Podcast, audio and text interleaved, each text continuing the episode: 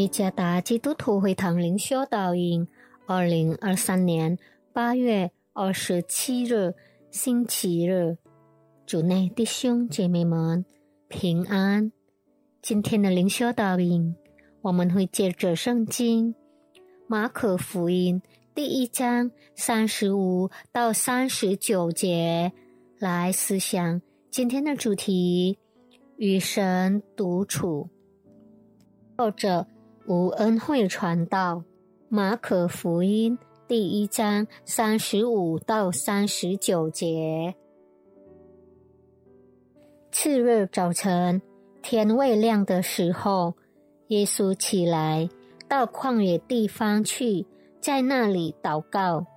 西门和同伴追了他去，遇见了，就对他说：“众人都找你。”耶稣对他们说：“我们可以往别处去，到邻近的乡村，我也好在那里传道，因为我是为这事出来的。”于是，在加利利全地进了会堂，传道赶鬼。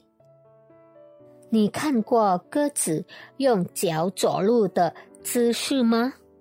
鸽子会迈出一步，然后停下来，接下去它才再迈出一步。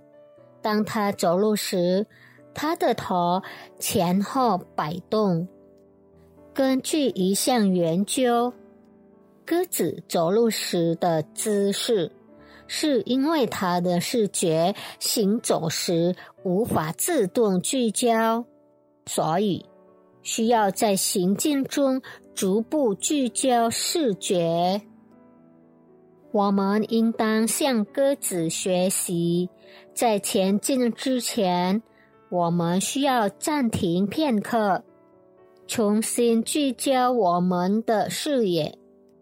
在人生中，我们需要稍停片刻，在神面前安静自己。这种。独处在英语是 solitude，韦氏词典中对这个词定义是独处的情况或与人隔离。我们需要离开忙碌或与忙碌隔离。我们需要重新把注意力专注于神。我们要效法。主耶稣安静独处的榜样，尤其是预备时间来祷告。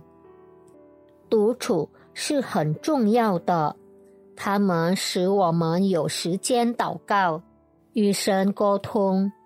安静独处，让我们有时间默想神的话语。独处默想，让我们发现自己所犯的错误。独处使我们有能力面对试探。参看诗篇六十三篇第五到第七节。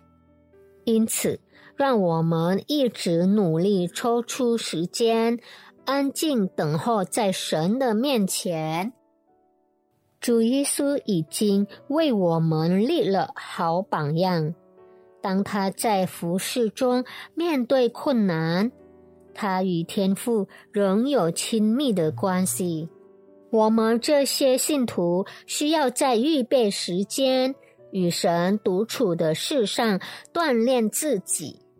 我们需要亲近神，与神同行，得到力量，好在人生的道路中继续奋斗。阿门。预备时间与神独处。我们才能得到新的力量去面对生活中的挑战。愿上帝赐福大家。